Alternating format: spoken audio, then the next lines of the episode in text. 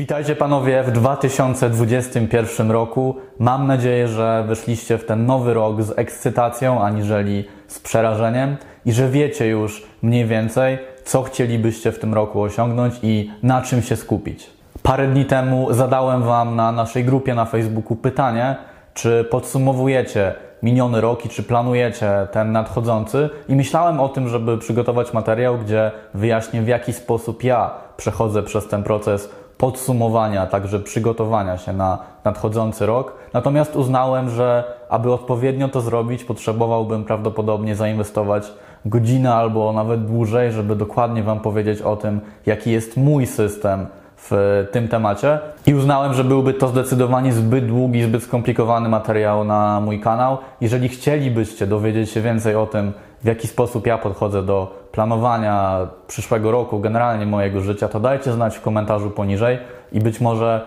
kiedyś w jakiejś formie to zaprezentuję. Natomiast dzisiaj uznałem, że ciekawiej będzie podzielić się z Wami tym, do jakich ja doszedłem obserwacji i wniosków w zeszłym roku, co było dla mnie najważniejsze, jakie wnioski wyciągnąłem, a także co zrobię z tymi wnioskami w nadchodzącym roku i na czym się będę skupiał w 2021 roku. Wszystkie te obserwacje, wnioski i lekcje, którymi za chwilę będę się z Wami dzielił, są efektem kilkugodzinnej pracy, którą włożyłem w to, aby podsumować miniony rok i przygotować się na ten nadchodzący. Zrobiłem to korzystając nie tylko z mojego systemu, który używam na co dzień do planowania mojego życia, który wykształciłem na przestrzeni ostatnich kilku lat i dopasowałem do siebie, ale też za pomocą pewnego schematu, na który trafiłem w internecie i którym podzielę się z Wami w opisie tego filmu. Jeżeli jeszcze nie podsumowaliście 2020 roku, ani nie przygotowaliście się na 2021 rok,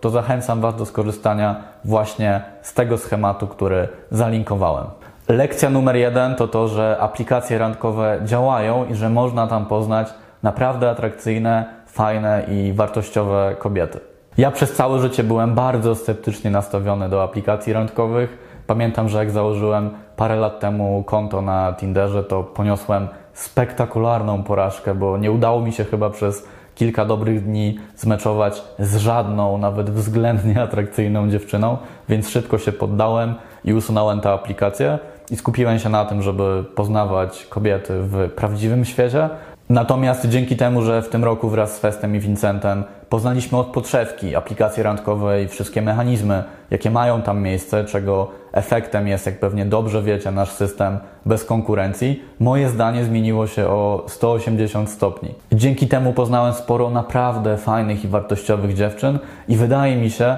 że nawet gdy pandemia już minie i wrócimy do normalności, dziewczyny będą chodziły na ulicach bez maseczek, w klubach będą znowu imprezy i to poznawanie się na żywo wróci wreszcie do normy, to wciąż pozostanę przy Tinderze i nie będę tego źródła poznawania nowych kobiet ucinał, tylko będę wciąż otwarty na to, żeby poznawać kobiety nie tylko na żywo, ale również przez internet. I taki mam plan na 2021 rok w tym kontekście. Moja druga obserwacja to zrozumienie, jak szkodliwy wpływ na nasze życie ma siedzenie. Teraz wyjdę na hipokrytę, bo nagrywając ten materiał siedzę na sofie. Natomiast ja do tego wniosku doszedłem podczas pierwszego lockdownu, gdzie przez prawie dwa miesiące większość czasu spędzałem w domu w pozycji siedzącej i trafiłem wtedy na książkę pod tytułem Skazany na biurko, którą swoją drogą Wam serdecznie polecam, która pokazała mi, co wydarzy się potencjalnie w moim życiu za 5, 10, 15 lat, jeżeli większość swojego dnia będę spędzał właśnie na krześle. Ja co prawda od kilku dobrych lat wykonuję wysiłek fizyczny, najczęściej pod postacią treningów na siłowni. Natomiast ta książka uświadomiła mi, że jeżeli chcę, aby moje ciało było sprawne i służyło mi do końca życia, to nie wystarczy godzinny czy dwugodzinny trening na siłowni, bo przy wielu godzinach spędzonych codziennie w pozycji siedzącej, na przykład podczas pracy, to jest zwyczajnie niewystarczające. Dlatego też w tym roku zacząłem starać się, aby codziennie wykonywać minimum 10 tysięcy kroków, a także zmieniać moją pozycję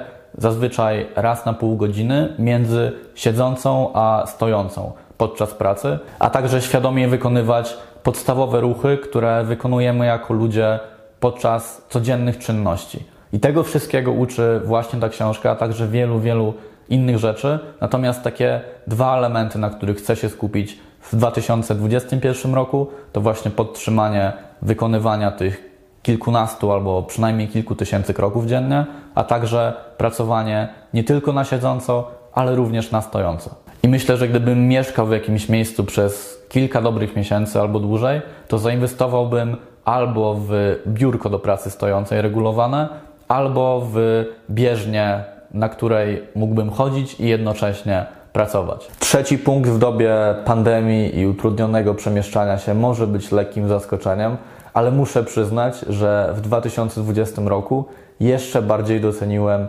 wartość podróżowania i odkrywania nowych miejsc. Miałem to szczęście, że jeszcze zanim wybuchła pandemia, spędziłem dwa miesiące w Azji Południowo-Wschodniej. Później, gdy obostrzenia w Polsce były lżejsze, pomieszkałem również w kilku miastach w Polsce i poznałem lepiej nasz kraj, a także miałem okazję, żeby w zeszłym roku zamieszkać przez miesiąc w Budapeszcie. I wszystkie te doświadczenia sprawiły, że mimo, że przez ostatnie trzy miesiące nigdzie nie podróżowałem i jak na razie w aktualnym roku też nie mam żadnych planów podróżniczych, to wiem, że będę chciał jak najwięcej podróżować, zwiedzać, doświadczać nowych miejsc, chłonąć innych kultur, asymilować się z lokalnymi społecznościami właśnie w tym roku, dlatego że na przykład będąc przez dwa miesiące w Azji na początku tego roku, a także jeszcze przez kilka tygodni w 2019 roku pod koniec, miałem wrażenie, że to jest chyba najlepszy sposób na to, żeby przedłużyć sobie życie. Dlatego, że przez cały ten czas tak naprawdę każdy mój dzień wyglądał inaczej. W każdym tym dniu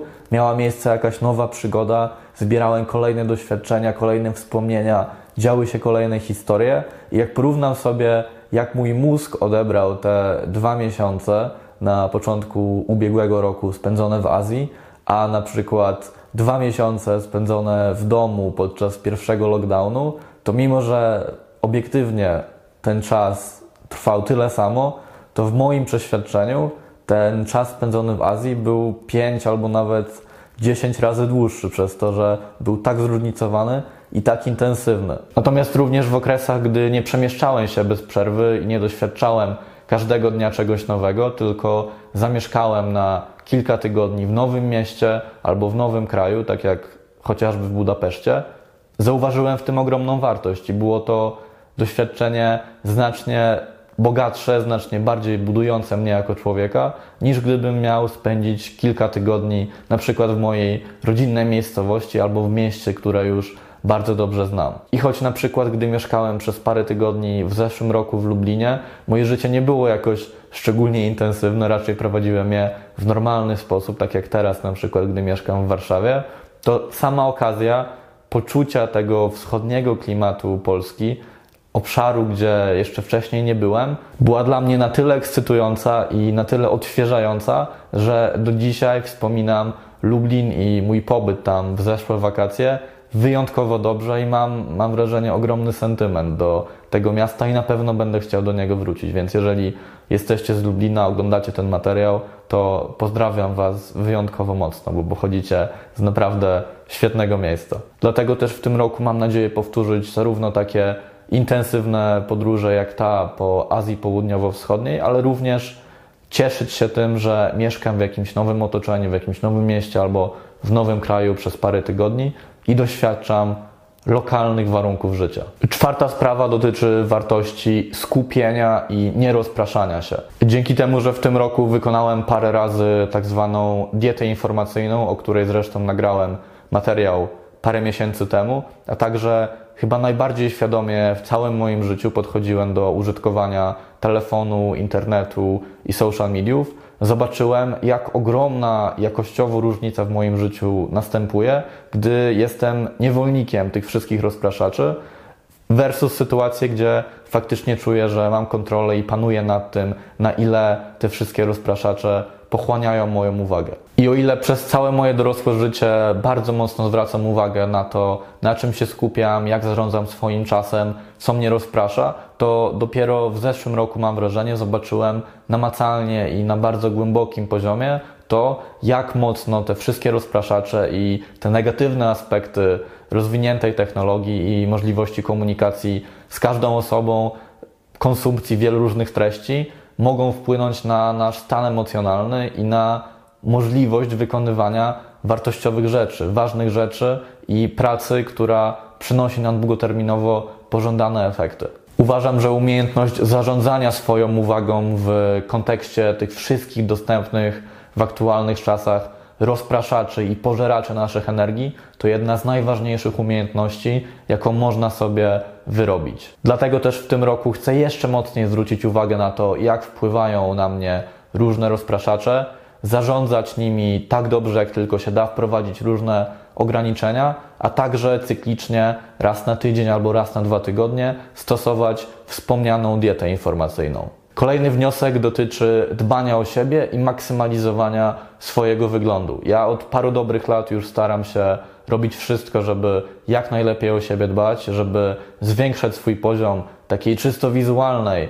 atrakcyjności. Natomiast w tym roku skupiłem się na tym wyjątkowo mocno. Między innymi wyrobiłem sobie taką kompletną rutynę dbania o moje uzębienie i regularnie chodziłem na wizyty do dentysty, wykonywałem różne zabiegi. Udało mi się wreszcie po wielu miesiącach walki pokonać trądzik i we współpracy z różnymi dermatologami i kosmetologami wyrobiłem sobie też taką bardzo skuteczną rutynę dbania o moją skórę. Zwiększyłem też częstotliwość swoich wizyt u fryzjera czy u barbera. Zacząłem bardziej świadomie dbać o swoją brodę. Nawiązałem współpracę z trenerem personalnym po to, żeby jeszcze bardziej świadomie trenować i odżywiać się. Wybrałem się też parę razy na zakupy ze stylistką po to, żeby dobrać najlepsze dla siebie ubrania. I być może jak o tym wszystkim słyszycie, a to i tak jest tak naprawdę tylko część rzeczy, które w tym kontekście robiłem w zeszłym roku i które zamierzam kontynuować w przyszłym, to możecie się wydawać, że to trochę przesada. Natomiast uważam, że jeżeli naprawdę o siebie zadbacie i będziecie